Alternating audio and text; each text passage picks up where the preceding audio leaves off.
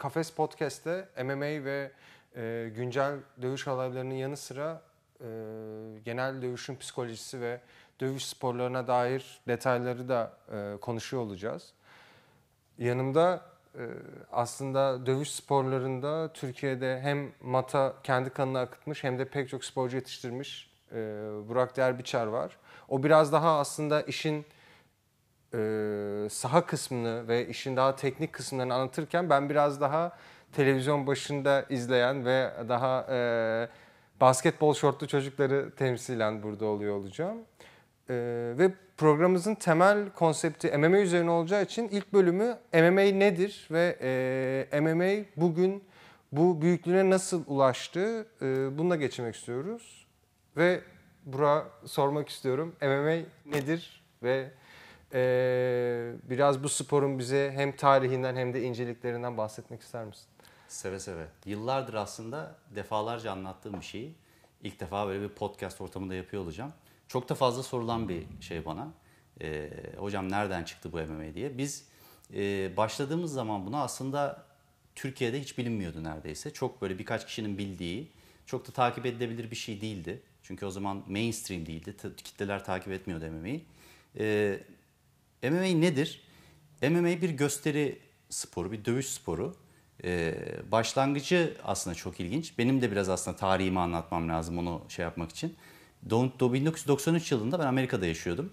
Ee, o zaman e, Muay Thai ve vuruş ağırlıklı çalıştığım bir dönem.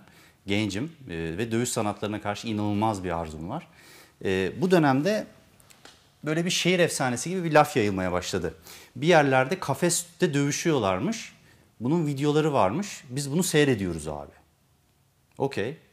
Nerede bu falan? Ben inanmadım buna. Birkaç hafta sonra ama gerçekten böyle bir e, ateş gibi yayıldı bu etrafa. Bütün oradaki o community'ye Kaliforniya'da. E, bir gün o zaman VHS videoların kiralandığı bir şirket vardı. Şu anda battı dijitale geçemedikleri için Blockbuster diye eskiler bilir. E, orada tesadüfen gördüm ben bunu.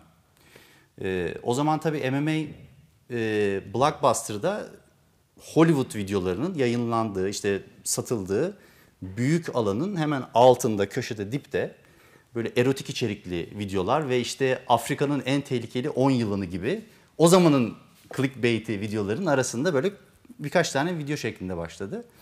Ee, organizasyonun kendisi 93 yılında yapıldıktan hemen sonra Blockbuster'a bunu pazarlamaya başladılar. Ben de bunu aldım seyrettim. UFC 1 değil mi bu? UFC 1. Evet. Ee, ve bugün e, bütün dövüşçülerin söylediği, eski dövüşçülerin o zaman bunu seyredip başlayanların söylediği şeyi ben de söyleyeceğim size. Bu nedir dedim ya. Yani gerçekten inanamadım. Ee, bir, bunu yapabildiklerine inanamadım. İki, uzun zamandır aslında hep görmek istediğim şeyi gördüğüme inanamadım. Üç, e, bir disiplinin bu kadar etkili olabileceğine inanamadım. Yani Hoyce'u gördüğüm zaman, Hoyce Gracie'yi e, dedim ki bu, bu nedir yani? Bu nasıl bunu yapabildi? Ve herkesin o zaman dediği gibi ya bu adamı öldürecekler dedim ama adam gerçekten sadece bir disiplini kullanarak Brezilya Jiu-Jitsu yaptı e, bilmeyenler için. E, herkesi domine etti. Zayıf, güçlü, hızlı, olimpik, değişik dövüş sanatları falan. Dedim ki bu çok ilginç bir şey. Ve o zaman Kaliforniya'da bile çok çok yeni bir disiplindi. Çok uzaktı. Bende yoktu. Mesela San Diego'da yoktu. Çok e, e, delicacy'ydi yani. Böyle zor bulunan bir şeydi. E, o dönem e, benim gözlerimi açtığım dönem yani MMA'ye. E, MMA neye gelirsek MMA şöyle ortaya çıktı aslında. MMA Mixed Martial Arts karma dövüş sanatları diye Türkiye'de söylenen şey aslında Brezilya Jiu-Jitsu'nun etkinliğini durdurmak için ortaya çıkmış bir şey. Ben öyle görüyorum. Ee, başlarken Gracie ailesinin bazı fertlerinin Amerika'ya taşındıktan hemen sonra disiplinlerinin ve öğrettikleri bu disiplinin ne kadar etkili olduğunu, ne kadar etkin olduğunu e, insanlara ispat etmek için yaptıkları bir organizasyondu, bir pazarlama yöntemiydi aslında. E, ve bunu ispat etmek için de ailenin en küçük ve daha önce hiç dövüşmemiş zayıf bir ferdini Hoyce'u oraya koydular. E, bu Hoyce'un yani devamlı kazanması bu organizasyonlarda ve diğer disiplinlere üstünlük sağlaması bir şekilde e, karşı taraftaki dövüşçülerin de ya bu adam ne yapıyor? Yani bizim en azından bunu durdurabilmek için e, bunun ne yaptığını biraz öğrenmemiz lazım diyerek hybrid çalışmaya başlamalarıyla ortaya çıktı. Tam bu noktada ben bir şey sormak istiyorum.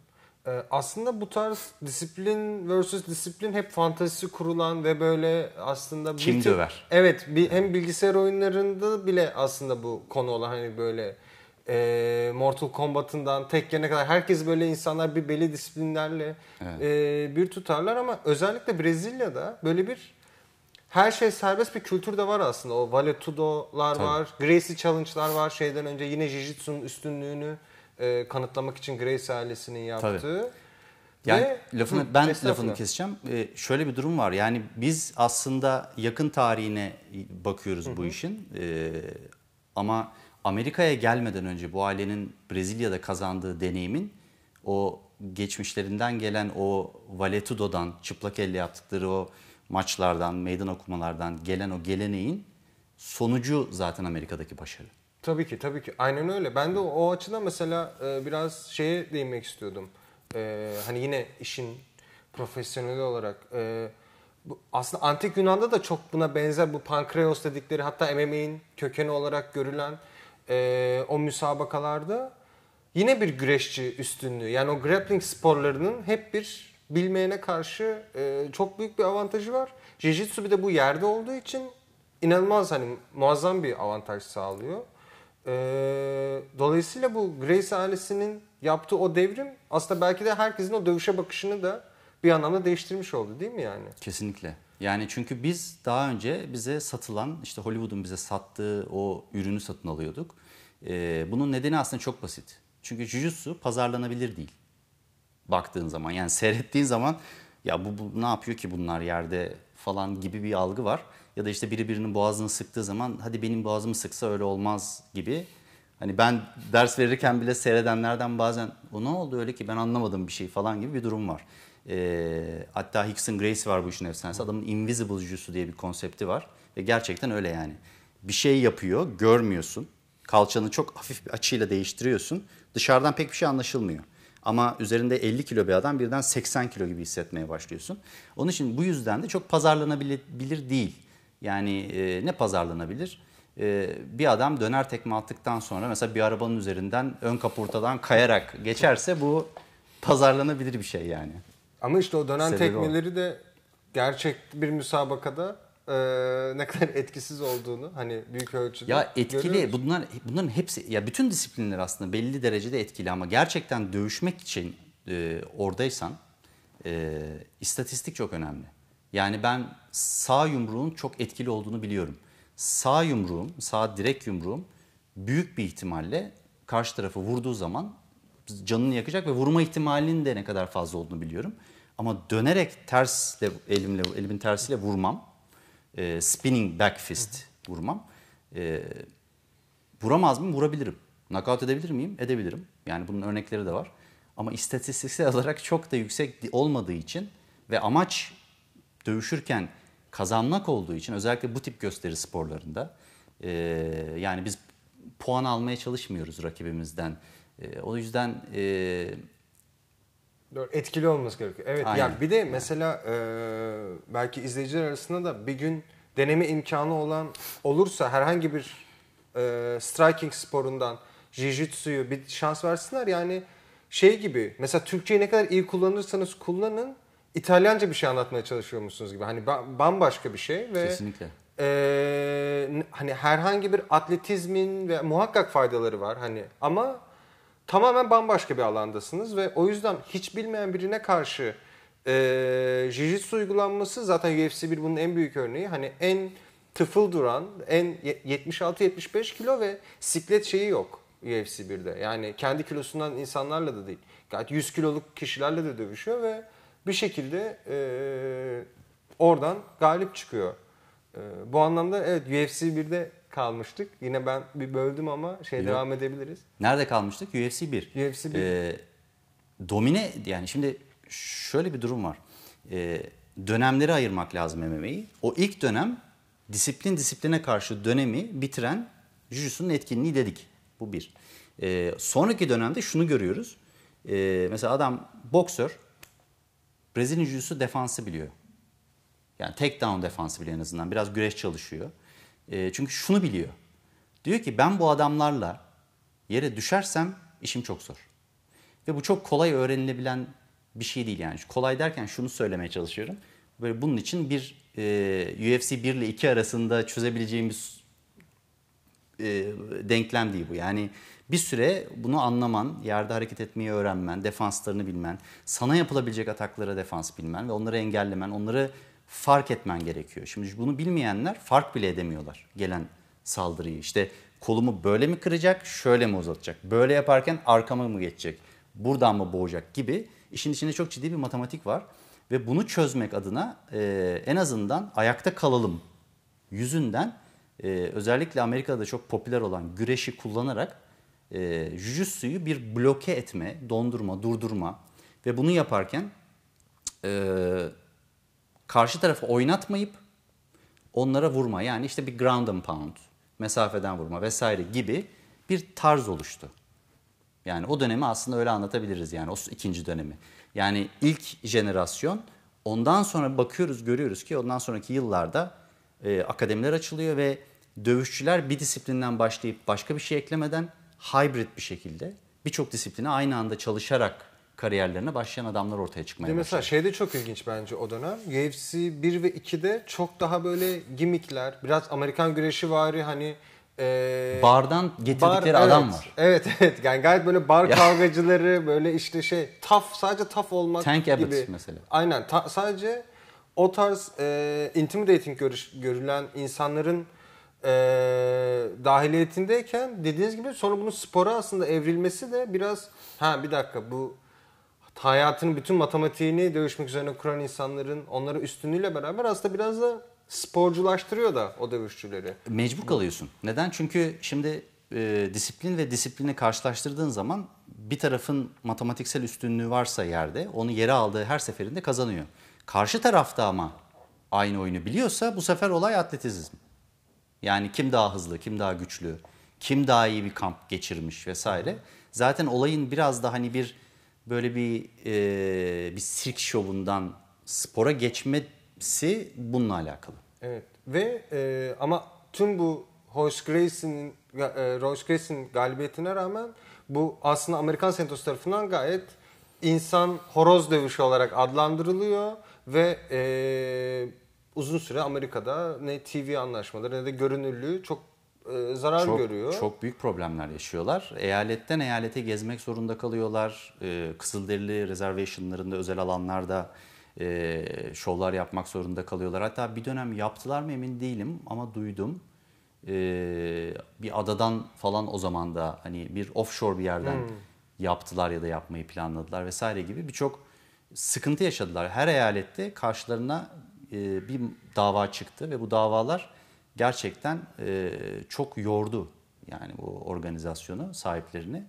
E, Sephamore galiba organizasyonun adı E, ve e, Horion Gracie ile beraber, onun danışmanlığıyla beraber o organizasyona yaptırdığı bir şovken e, Dana White ve Fertitta kardeşler, Fertitta kardeşler bir kasinocu, bir aile e, Las Vegas'ta. Onların yaptığı 2 milyon dolarlık bir yatırımla e, bunu aldılar. Dediler ki biz regülasyondan kaçacağımıza regülasyona doğru yürüyelim. E, Atletik Komisyonu'na toplantılar yaptılar. Onlar da dediler ki işin içine bir eldiven koymanız lazım. Böyle çıplak el olmuyor bu işler. Ondan sonra bir kural seti getirildi. Puanlama sistemi getirildi. O iki adam girer biri çıkar sadece olayı kaldırıldı. Hakemler regüle edilmeye başlandı vesaire. Yani bunu bir spor haline getirip gerçekten buna ciddi maddi ve manevi yatırımlar yaptılar. Zam çok ciddi emek zaman harcadılar. Özellikle Dana White bu konuda inanılmaz bir adamdır yani. Ee, çok başarılı oldu. Ee, ve e, ben ve benim gibi birçok insana da bu işi e, ha- hayatı boyunca yapabilme fırsatını verdi bence UFC. Evet. Tanıtması açısından yani. Yani bir de şeye bakarsanız eğer e, UFC 1'deki maçlara veya 2'deki maçlara saç çekmeler var. Bacak Ee, arasına yumruklar Bacak var. arasına yumruklar var. Hani gerçekten şey e, vahşet üzerine kendini tanıtan ve böyle Ama satıyor. bence hala İyi zaten ya da şey, kötü. E, Zaten onun Şiddet böyle her zaman e, satıyor yani Bence şiddet. onun bir versiyonu da mesela Pride aslında. Hani o ilk popülaritesini yine o e, yerde tekmeler işte şey round mantığı var ama 10 dakika bir round yani. Tabii. Eğer dövüştüyseniz yani 10 dakika bir round O ne 10 demek? dakika round şu demek yani benim eve gitmem lazım bir noktada. Hani yiyin birbirinizi demek. Evet evet yani yoksa hiçbir round veya böyle Tabii. bir matematik mantığının çok ikinci planda kaldı ve siklet yok. Bence mesela o da yani çok geç geliyor siklet Pride'a. Tabii. Ve siklet olmadığı için aslında çok büyük dövüşçüler de e, hani e, belki bugün olsa Tabii. kendi sikletini tamamen domine edecek, bir Habib etkisi yaratabilecek dövüşçüler Tabii. kendilerinden 10-15 kilo e, ağır adamlarla dövüşmek zorunda kalıyor. E, belki biraz Pride'dan da bahsedebiliriz. Özellikle sizin döneminizde o Pride'ın etkisi nasıl oldu? Çünkü o dönemin en büyük dövüşçüleri aslında UFC Amerika'da problem yaşarken Pride'e gitti ve e, O zaman bir alternatif yoktu. Ee, Asya'da bu dövüş sanatlarının hep Asya ile bir bağlantısı vardır yani içinden geliyor. Ee, ama Asya'da çok güçlü bir organizasyon yoktu o zaman. Ee, yani Pride bunun öncüsü ve çok efsanevi bir organizasyondu bence. Çok heyecanlı maçlar yaptılar. Amerika'daki gibi e, sıkı orada e, konservatif kurallar olmadığı için e, ve bu işe olan ilgi daha e, garip aslında orada hem çünkü akademik bir ilgi var bu işi çok ciddi böyle bilinçli seyirci sayısı çok yüksek vesaire ama bir yandan da oradaki o şov kısmı da çok e, zengin. Çok güzel hybrid bir organizasyondu ya ben çok seviyordum Pride'ı. Pride'ı sevmeyen de zaten çok anlamıyordur bu işlerden. Yani keyifliydi. E, Asya gibi bir markette tek başınaydı Pride. Onun için bir de güzel bir organizasyon olduğu için çok hızlı büyüdü.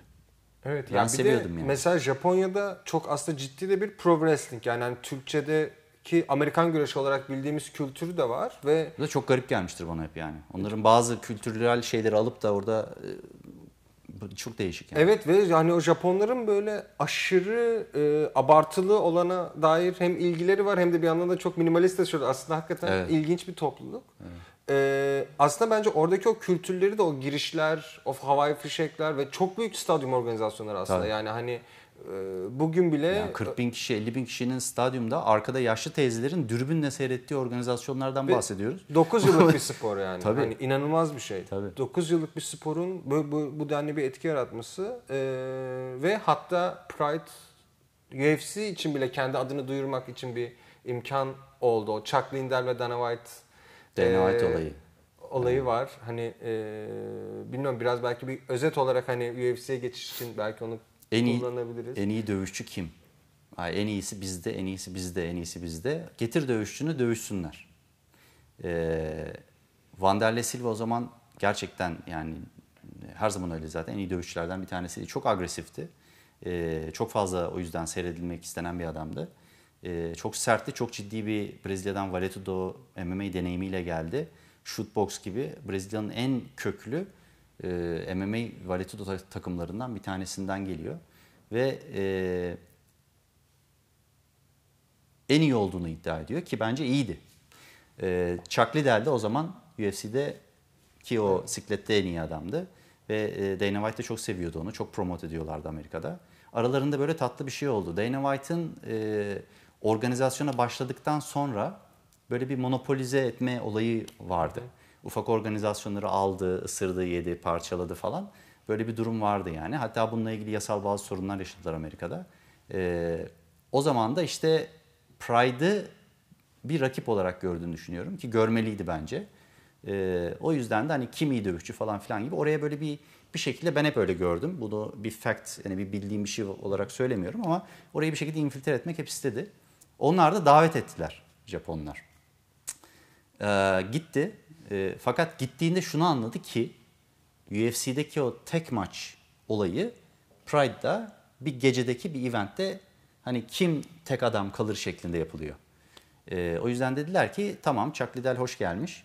Bu işte Pride'a mı katılmak istiyor? Katılsın. Ama işte herkes de tek tek dövüşecek gibi bir şey oldu ki kabul ettiler. Ama çok kızdı Dana. Yani dedi ki beni aldattılar dedi. Ee, hiç dövüşmediler. Çünkü e, ikinci maçında kaybetti. Ee, ilk maçı kimle yaptı hatırlamıyorum ama Alistair Overeem o zaman MMA'ye yeni giriyordu. Bir Muay Thai'cıydı. E, ama kendi MMA'de denemek istediği için ve büyük bir ihtimalle Japonya'dan da güzel bir çek aldığı için oraya gitti. Ve ona e, onunla dövüştü diye hatırlıyorum ama inanın hatırlamıyorum. Ee, Yenildi mi yendi mi e, çok uzun zaman oldu. İkinci maçında da Rampage Jackson'a zaten kaybediyor. Yani ilk Rampage'e maçını kaybediyor. kazanıyor, İlki- Rampage'e ilk kaybediyor. galiba onu mu yeniyor sonra onunla mı kaybediyor? Çok emin değilim ya. Altayer e, s- böyle pride delileri varsa ben öyle almanak gibi bir adam değilim ne yazık Yok ki. zaten E, hemen yazın. Bakacağım şimdi eve gittiğim zaman. Ee, ve aslında orada kaybettikten sonra bir şekilde ama adını da duyuruyor ve e, Aslında adını zaten bu, bu adamlar çok büyük isimleri olan adamlar. Adını e, duyurmaktan çok bence husumeti arttırdılar. Ve bu yıllarca sürdü. yani zaten sonra Vanderlein'in Amerika'ya gidip UFC'ye geçmesine kadar sürdü.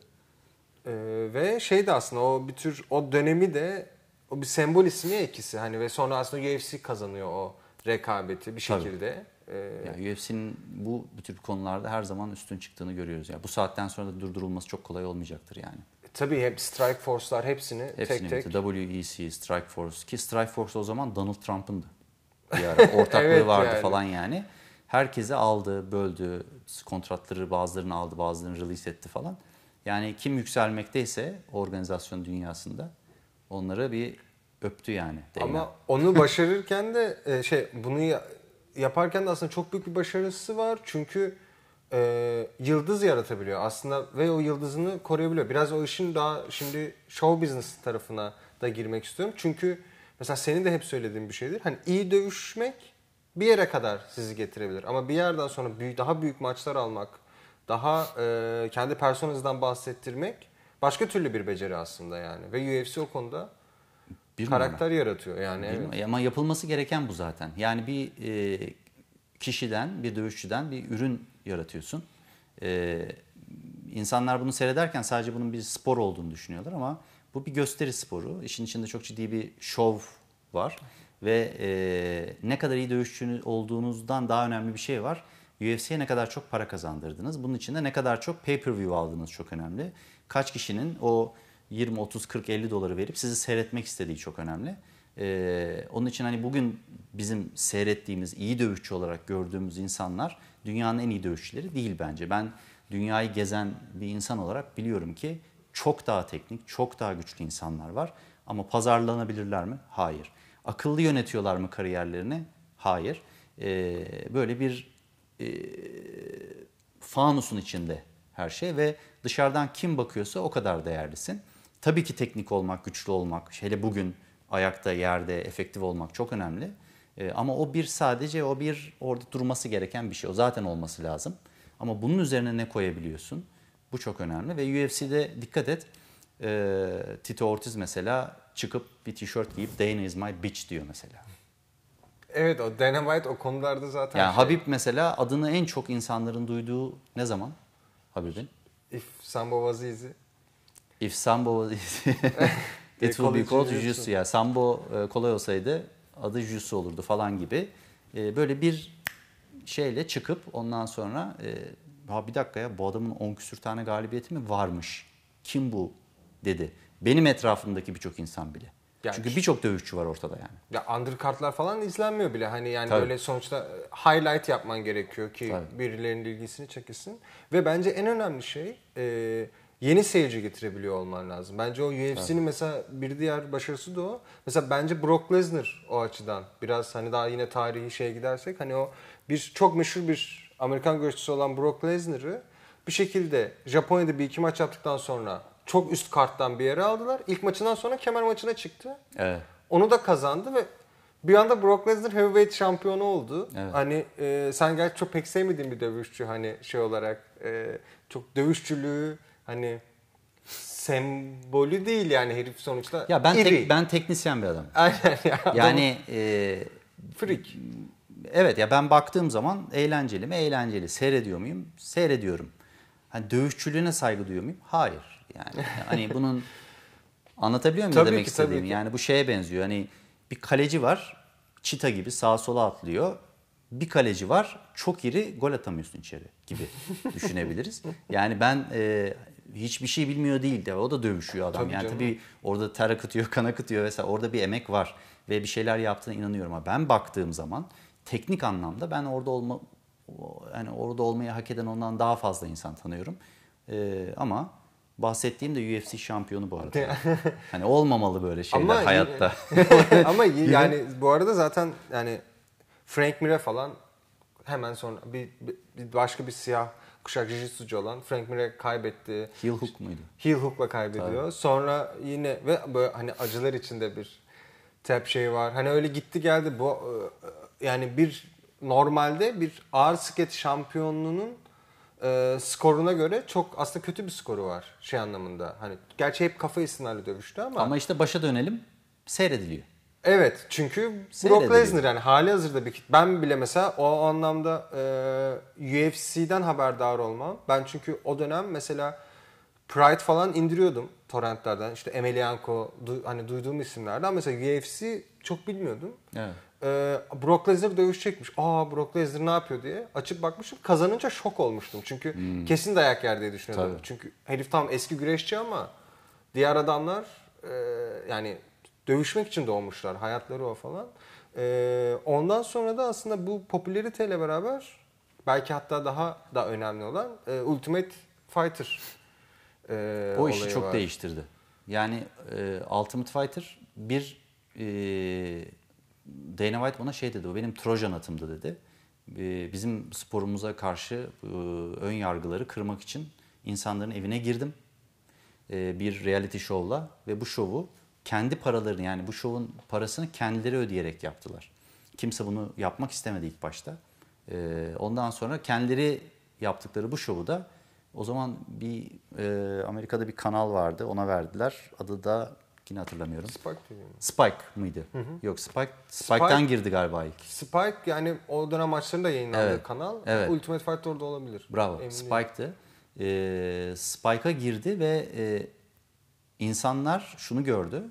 E, bu barbarizm değil. Tamam sert bir spor. E, ama bu bir spor yani. Hani biz daha önce kafesin içinde olmamız itibarıyla ben bu adamlar işte bu horoz dövüşü, bu adamlar işte sokaktan dövüşüyor işte, işte anlatabiliyor muyum hani bu bahisli dövüş mü falan gibi e, bu işi çok bilmeyen insanların e, buna karşı bir ön yargısı vardı. Eskiden de seyrettiği film, seyrettikleri filmlerle gelen bir şey bu.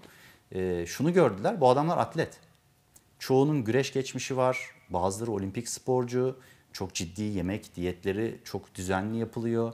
E, sadece fiziksel olarak değil, teknik olarak devamlı e, kendilerini geliştirmek zorundalar. Birçok disiplinin en etkin tekniklerine hakim olmak zorundalar. Dayanıklı olmak zorundalar vesaire. Ve bunların hepsinin işte ailesi var, çocuğu var, düzgün hani hayatlarını geçindirmeye çalışan insanlar. Bunu görünce seyirci televizyonda bu reality show sayesinde UFC'nin e, birden o insanlarla bir bağ kurmaya başladı. Bu bağ çok paraya döndürülebilen bir şey haline geldi UFC için. Ve zaten yükselmekte olan grafiğini bambaşka bir yere götürdü. Ve UFC. bir de o konuda şeyde de çok şanslar. Final e, maçının hani böyle Muhteşem çok- olması. çok kafa kafaya giden İnanılmazdı hakikaten yani. Çok şanslı. çok şanslar o Çok konuda. şanslı. Yani gayet e, Usman Masvidal maçı gibi bir şey olsaydı o böyle hani e, belki bir koca bir Yine giderdi. endüstri ama yani Ama böyle olmazdı. o roket etkisi derler ya hani Yani ne o- olabileceğini iyi bir maçın göstermesi açısından insanlara bu kadar fazla kafayı çevirmişken organizasyona o maçla bunu bitirmek çok e, inanılmaz şanslılardı bence. Çok güzel maçtı. Evet evet. Tarihin en iyi maçlarından bir tanesidir yani. Kesinlikle kesinlikle ve yani belki de en etki yaratan maçlarından da biri aynı zamanda hani sektörün sonrası içerisinde içinde. Ee, ve e, aslında tam o dönemle beraber bu Ultimate Fighter dönemiyle de beraber bir şey durumu da var. Ee, artık insanlar belli dövüşçüleri e, devşirmiyor da aslında doğrudan bir MMA training konsepti de gelmeye başlıyor değil mi aslında yani böyle daha e, hibrit dövüşçüler artık çıkmaya başlıyor hani hem striking iyi mesela bir O o güreş- dönem de vardı. Yani o e, aslında ondan sonra olmuş bir şey değil. O dönem vardı ama e, çok bilinmiyordu. Yani şimdiki gibi değildi. Şimdi çok fazla var. Ama e, o dönem başlamıştı o akım yani zaten. Hani bir MMA akademisi olsun. İşte bir MMA, akademi, MMA akademisinde ne olur? E, işte iyi bir grapplerlar olur. Mesela güreş olur. Brezilya Jiu-Jitsu olmazsa zaten Kaç yani orada hiçbir şey yoktur. Ee, Muay Thai olur, boks olabilir. Yani bu vuruş ve grappling ağırlıklı ve en etkili disiplinlerin e, olduğu yerler var. Yani şöyle akademiler var mesela. Güreş kökeninden gelip daha fiziksel çalışan ve ground and pound oynayan, jutsu'yu dövüştürmeyen akademiler var. Ee, bunun dışında sırtın üzerinden de dövüşebilen, Brezilya Jiu-Jitsu'da teknik olan ve mesafede vuruş kullananlar var. Genellikle benim deneyimlerimde ve gördüğüm kadarıyla bu tip akademilerde işte Muay Thai ile Brezilya Jiu-Jitsu karıştırılıyor. Ground and Pound yapan akademilerde boksla güreş karıştırılıyor gibi. Anladım. Zaten Yani- gözünün önüne getir. Yani hani bir tıknaz daha böyle sert ground and pound yapan hani ne bileyim Habib homo- vs Ferguson gibi, gibi yani aslında. omoplatadan bilmem neye dönmez ama hani oynatmaz da rahatsız da eder, vurur da, çenesi de güçlü olur. Anlatabiliyor muyum? Yani çünkü o orada başka bir e, kumaş var. E, bu biraz hani oradaki o MMA akademisindeki hocanın e, background ve izlediği yolla ve karşısına çıkan biraz da dövüşlerin onu geliştirmesiyle alakalı bir durum bence. E, ama böyle yani hani iki ayrı style'ı var gibi ben hep görmüşümdür. A- Aslında makul bir ayrım hep ve e, günümüzde de böyle biraz mesela George St. Pierre gibi hani böyle bir karate background'u varmış gibi yapılıyor. Hani böyle başka şeylere de göz kırpıyorlar ama en yerine Yok. yine güreş ve Yok. boksa ya geliyorlar. Ben sana daha iyi bir örnek vereyim. Maçıda. Mesela evet. Mesela Maçıda e, işte kafasında karate kit şeyiyle bandana, bandanasıyla e, highlightlar yaptılar adama işte countdownlarda falan. E, Japon asıllı ama adam Brezilyalı. Brezilya jiu siyah kuşak. Vuruş yapıyor tamam yani karate teknikleri kullanıyor. Ama çok minimal yani stepli yaptığı bazı vuruşlar var. Onun dışında baktığın zaman aslında clinch'te Muay Thai yapıyor. Yani clinch'e giriyor. E, jiu-jitsu yapıyor. E, güreşiyor. Yani Portekizcesi Japoncasından 10 kat daha iyi falan. Ama bir Japon e, Japon diyorum bir karate kitlesi var. Yani bir traditional geleneksel dövüş sanatları kitlesini de seyirci haline getirebilmek için e, Asya'dan ailesi çok küçükken göçmüş bir Brezilyalıyı da öyle konumlandırabiliyor Ya organizasyon. bir de zaten o dönem şeyde bu personalardan bahsettik ya hani insanlar bir şekilde o gimmickleri ön plana çıkartıyorlar. Pride'da da şeyde ve o dönem işte, işte Rampage Jackson mesela işte o daha işte vahşi bar kavgacısı gibi senin dediğin şeyi temsil ediyor. Lyoto onu işte daha o uzak doğu zaten onun şeyde Saygı, vardır hani e- hep knockout ettikten sonra ünlü falan ve sonra işte aslında ben, bence mesela hibrit modelin en üst şeyi John Jones geliyor. Hani e, eski bir güreşçi şeyken striking'i de çok iyi falan filan. Ve e, bence bu Reebok anlaşmasının da benim mesela hep kafamda onu ben şeyle bir tutuyorum. E, yeni nesil MMA'cilerin e, çıkışıyla o Reebok'un gelip aslında shortları da şey yapması, tek tipleştirmesi falan filan ve aslında biraz buradan günümüz MMA'ine dönmek istiyorum. Hani çok daha fazla aslında yetenekli dövüşçü var. Bugün belki avaraj bir MMA'ci e, hani 2000'lerin ortasında belki yıldız olabilecek Hepsi olur. seviyede. Neredeyse yani. Çok ben değişti. biraz böyle çok ahkam kesmek istemiyorum ama Yok, hani öyle öyle. e, göz var izan var şeklinde şey yapıyorum. Keselim E, ahkam yani problem. sen biraz Bizim daha podcast'imiz istediğimiz gibi ahkam keselim. sen biraz daha o, onları sana bırakıyorum. Ee, şey bu günümüz MMA'ini e, nasıl görüyorsun? Yani tam artık zaten dev bir pazar özellikle McGregor'ın bu girip hani e, onu belki başka bir bölümde tamamen bu işin marketing ve nasıl e, adım adım böyle e, dev bir şeye dönüştüğünü de konuşuruz ama daha sporcu perspektifinden yani bugünün MMA dövüşçüleri e, biraz heyecan ölüyor mu bu iş daha spora döndükçe veya e, sence 5 yıl sonra nasıl bir şey dönüşecek? Şimdi bak e, bir dönem öldü. E, Anderson Silva ile de bu bitti. Yani Anderson Silva'nın e, UFC'nin en yüksek vuruş e, şeyi olan adamın e, indirme e, istatistiği olan adamın e, Türkçe kullanmaya çalıştığım için takılıyorum. E, maçları çok sıkıcıydı. Benim için değil. Yani benim için değil ama benim gibi teknik ve bu işten hani başka gözle bakan insanların sayısı UFC'yi milyonlar etmeye yetmiyor. Ee, yani bugün 4 nokta küsür milyar dolara satılmasının sebebi barda bira içerken dövüş sanatlarını çok bilmeyen adamların bunu seyretmek istemesi. Ee, onun için taban çok sıkıldı ve e, kazanmasına rağmen dediler ki böyle dövüşme. Yani bu striking için de geçerli, grappling için de geçerli. Mesela Damian Maya. Damian Maya e, UFC'ye girdi, herkes submit etmeye başladı. Ama reytingler düştü. Şimdi Damian Maya kazanmaya başladı ama reytingler düştü. Dediler ki böyle dövüşme. Çünkü sıkılıyor insanlar yerde devamlı. Kalk biraz kırış. Ee, yani insanlar e, birbirine vuran insanları görmek istiyor. Yani anlatabiliyor muyum ne demek istediğimi? Orada bir mücadele görmek istiyor. İşte vahşeti istiyorlar. Yani bu bu net. Ve organizasyon da bir ürün satıyor. Ee, o yüzden de yani bizim burada oturup senle mesela şey konuşuyoruz. Diyoruz ki ya burada çok teknik konuşuyoruz falan ama orası bambaşka bir gözle baktığı için olaya e, bir dönem bunlar çok olmaya başladı. Yani insanlar oyundaki küçük glitchleri bulmaya başladılar. Bug'ları bulmaya başladılar. Böyle dediler ki bunu burada tutarım, buradan geçerim hep bir oyun falan. Bunlar bir dönem olayı çok sıkıcı hale getirmeye başladıktan sonra UFC dövüşçülerine dedi ki ya değişin dedi. Sonra mesela e, Damian Maia ilk striking yapmaya başladığı maçta ilk roundun ilk dakikası mıydı, ikinci dakikası mıydı bir sağ yedi. Mark Quart mıydı? Knockout oldu. Evet, yıldı yani. Sen niye o adamla vuruşuyorsun yani? Sen kaç yıldır o seviyede vuruyorsun? Ama o adam da Damian Maia takedown yapsaydı aynı yorumu alırdı benden. Çünkü anlıyorsun değil mi ne demek Evet, istediğimi? evet, evet. yani burada bir şey var. Ee, organizasyonun yönlendirmesiyle ben baktığım zaman bugün çok daha atletik çocuklar ortaya çıktı o dönemden sonra ve e, onlara biraz yol verdi UFC. Kırışmayı seven, riskli vuran, açık vuran. Ya bugün Kanır da öyle bir adam mesela. Açık herif. Tabii. Yani herif burada değil hep burada yani.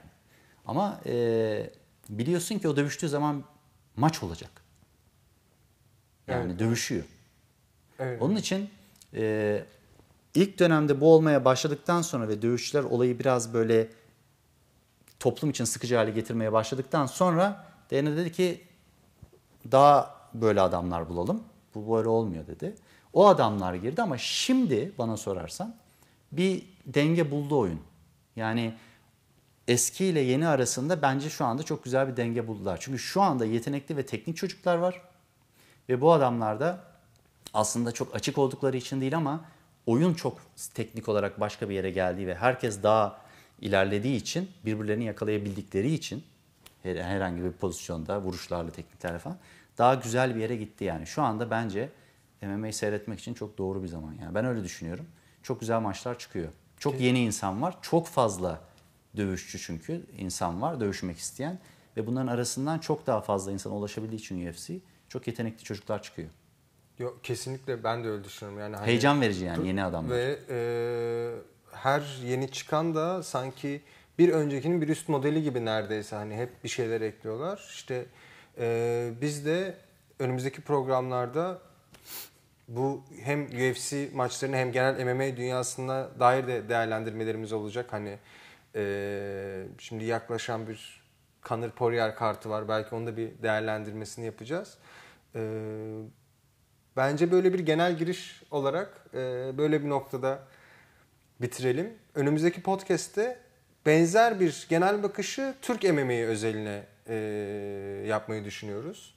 E, hem Türk MMA'nin dünü hem bugünü e, ancak bir sonraki programlarda da yine sporcu psikolojisi olsun, e, spora dair daha teknik detaylar olsun, hem sizden gelecek konular da olabilir. E, bu programları yapmayı sürdüreceğiz.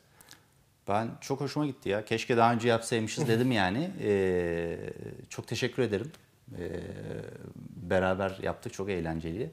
Seninle konuşmak çok keyifli. Ee, yani podcast dışında da oturup e, devam etmek istedim yani şu anda.